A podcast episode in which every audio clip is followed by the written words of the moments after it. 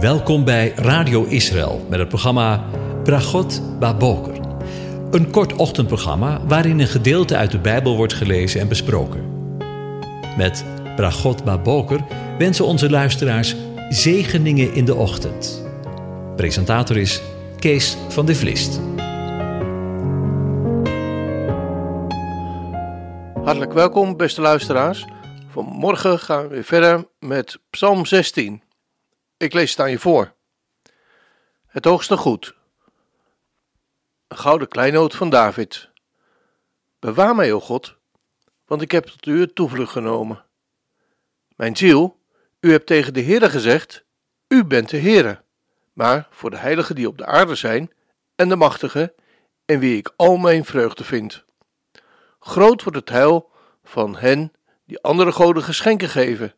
Ik echter giet geen plengoffers van bloed voor ze uit, en neem de namen van hen niet op mijn lippen. U onderhoudt wat het lot mij toewees. De meetsnoeren zijn voor mij in lieflijke plaatsen gevallen. Ja, een prachtig erfelijk bezit heb ik gekregen. Ik loof de Heere die mij raad heeft gegeven, zelfs s'nachts onderwijzen mijn manieren. Ik stel de Heere voortdurend voor ogen. Omdat Hij aan mijn rechterhand is, wankel ik niet. Daarom is mijn hart verblijd en mijn eer verheugt zich. Ook zal mijn lichaam veilig wonen. Want u zult mijn ziel in het graf niet verlaten. U laat niet toe dat uw heilige ontbinding zie. U maakt mij het pad ten leven bekend. Overvloed van blijdschap is bij uw aangezicht. Lieflijkheden zijn in uw rechterhand. Voor altijd. Tot zover. Over een kwestie, over een erfkwestie gesproken. Nadat wij de voorgaande keer een uitstapje hebben gemaakt naar de plengoffers, gaan we vandaag weer verder met het vervolg van Psalm 16. We denken erna over de versen 5 en 6, waar we lezen: De Heere is mijn enig deel, mijn enig deel en mijn beker. U onderhoudt wat het lot mij toewees. De meetsnoeren zijn voor mij in liefelijke plaatsen gevallen. Ja, een prachtig erfelijk bezit heb ik gekregen. In plaats van zich in te laten met vreemde goden, wendt David zich tot de Heere, Jaweh. David weet, u bent mijn deel en mijn beker. Mijn bestemming is in uw handen. De Hebreeuwse woorden die gebruikt worden betekenen zoveel als deel, aandeel of portie en worden ook gebruikt voor het delen van een offerdier in Leviticus 6, vers 17. Maar voor het verband lees ik vanaf het 14e vers. Dit nu is de wet voor het graanoffer. Een van de zonen van de Aaron moet voor het aangezicht van de Heere aanbieden, voor het altaar. Dan moet hij er een handvol van nemen, dus een deel van de meelbloem, van het graanoffer, een deel van de bijbehorende olie en al de wierook die bij het graanoffer hoort. Vervolgens moet hij het op het altaar in rook laten opgaan. Het is een aangename geur voor de gedachtenis voor de Heere. Wat er nu van overblijft, mogen Aaron en zijn zonen eten. Het moet ongezuurd gegeten worden, op de heilige plaats. In de voorhof van de tent van de ontmoeting moeten zij dat eten. Het mag niet met zuurdeeg gebakken worden. Het is hun aandeel dat ik hun gegeven heb van mijn vuuroffers. Het is allerheiligst, zoals het zondoffer en zoals het schuldoffer.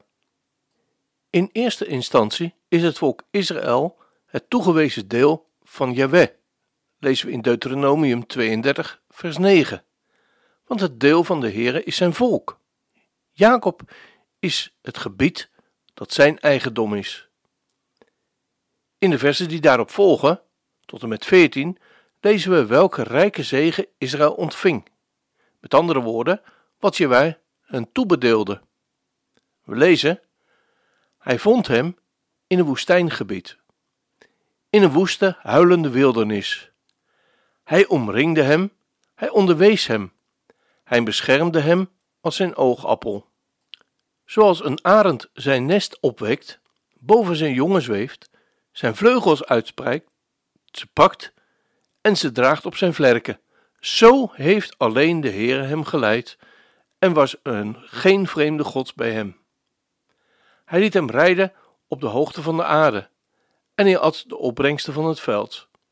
Hij liet hem honing zuigen uit de rots en olie uit hard gesteente, boter van runderen en melk van kleinvee, samen met het vet van lammeren, van rammen die in Bazan weiden en van bokken, samen met het allerbeste van de tarwe en druivenbloed, goede wijn hebt u gedronken. Zie je, het volk van God, maar ook wij hebben geen karige God, maar hij zegent rijkelijk. De beker staat symbool wat een vader zijn kinderen aanbiedt. De beker van zegeningen die de Heere, Yahweh, aanbiedt aan zijn kinderen, is zo vol dat hij overvloeit, zo lezen we in Psalm 23. U maakt voor mij de tafel gereed, voor de ogen van mijn tegenstanders. U zalft mijn hoofd met olie, mijn beker vloeit over. Ik denk dat we in onvoldoende mate beseffen, mijn beker vloeit over. De Heere, Yahweh, is geen karige God, maar hij biedt zijn kinderen overvloed van zegeningen aan. David weet zich rijk bedeeld door vader. De Heere, Yahweh, zelf is immers zijn deel. Dit geldt oorspronkelijk voor Aaron en zijn nakomelingen, lezen we in nummer 18, vers 20. Ook zei de Heere tegen Aaron: U zult in uw land geen erfelijk bezit hebben, en u zult geen aandeel in het midden van hen hebben. Ik ben uw deel en erfelijk bezit in het midden van de Israëlieten. De stam van Levi had dus geen aandeel in het landbezit, omdat het dienen van de Heere, Jaweh, het deel van de Levieten is. De Heere, Jaweh, zal in alles voorzien, lezen we in onder andere Leviticus 18 vers 1. De Levitische priesters, de hele stam Levi, mogen geen aandeel of erfelijk bezit hebben, samen met Israël, de vuuroffers van de Heere en zijn erfelijk bezit mogen zij eten. Op een soortgelijke manier weet ook David zich veilig in zijn hand. In het Nieuwe of Tweede Testament wordt het begrip erfdeel toegepast op de gelovigen. Wanneer je zelf in Christus geborgen weet, ben je mede-erfgenaam. Luister maar wat Paulus daarvan zegt tegen de Romeinen. De geest zelf getuigt met onze geest dat wij kinderen van God zijn. En als wij kinderen zijn, dan zijn wij ook erfgenamen. Erfgenamen van God en mede-erfgenamen van Christus, wanneer wij althans met hem lijden, opdat ook wij met hem vereerlijkt worden. En tegen de gelovigen uit de heidenen zegt hij in zijn brief aan de Efeze: Om deze reden ben ik, Paulus, de gevangene van Christus Jezus, voor u, die heidenen bent. Als u tenminste gehoord hebt van de uitdeling van de genade van God, die aan mij gegeven is, ten behoeve van u. Dat hij mij, de openbaring, dit geheimenis bekendgemaakt heeft, zoals ik eerder in het kort geschreven heb, waaraan u, als u dit leest, mijn inzicht kunt bemerken in het geheimenis van Christus, dat in andere tijden niet bekendgemaakt is aan de mensenkinderen, zoals het nu geopenbaard is aan zijn heilige apostelen en profeten door de geest, namelijk dat de heidenen mede-erfgenamen zijn en tot hetzelfde lichaam behoren en mede-deelgenoten zijn van zijn belofte in Christus door het evangelie, waarvan ik een dienaar geworden ben, krachtens de gave van de genade van God, die mij is gegeven overeenkomstig de werking van zijn kracht.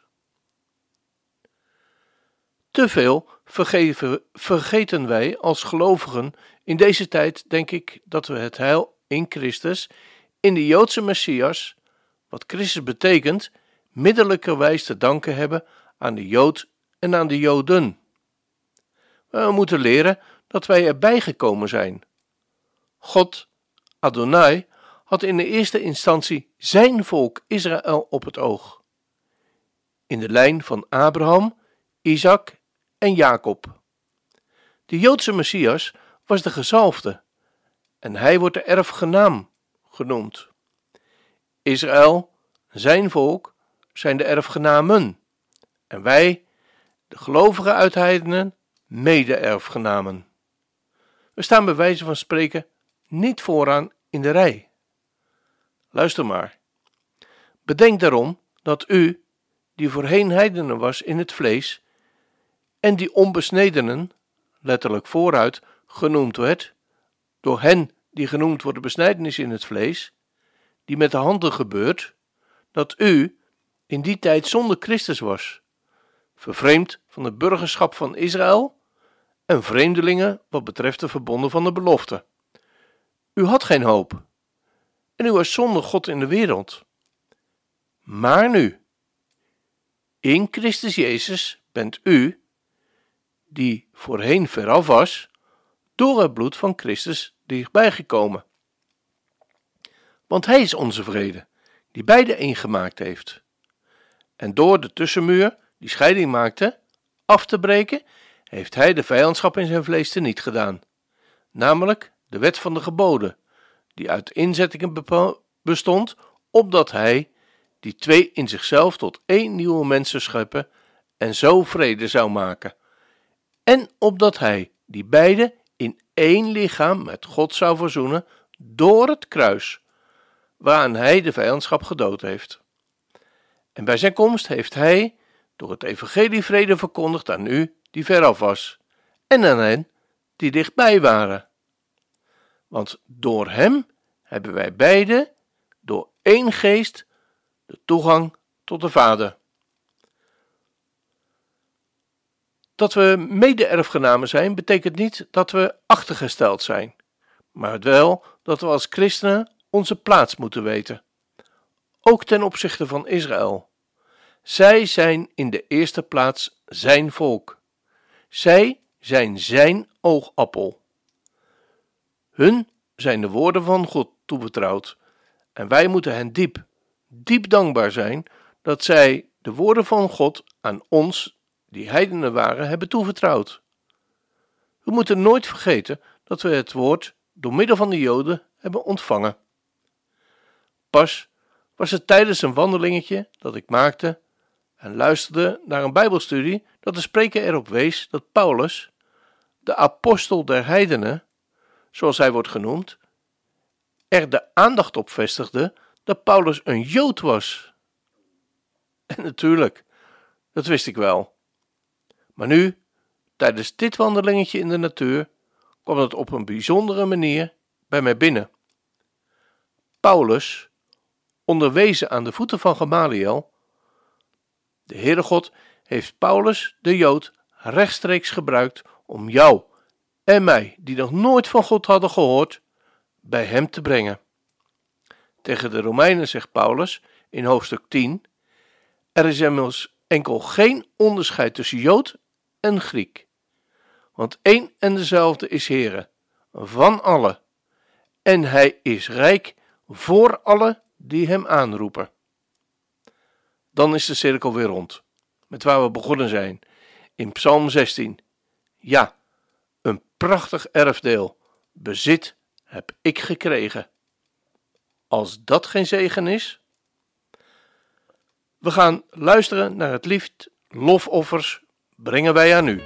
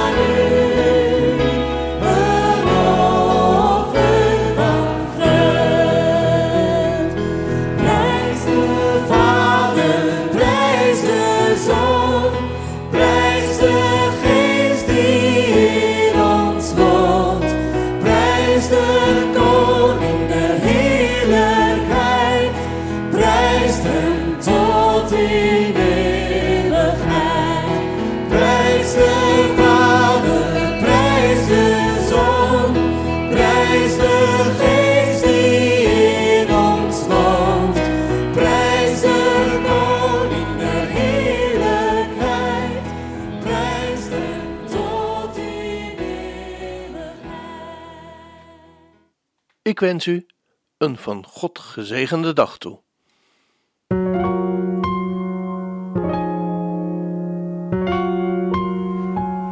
U hebt geluisterd naar het programma Bragot Baboker. Een kort ochtendprogramma waarin een gedeelte uit de Bijbel wordt gelezen en besproken. Wilt u het programma nog eens naluisteren, dan kan dat. Ga naar radioisrael.nl en klik onder het kopje radio op Uitzending gemist.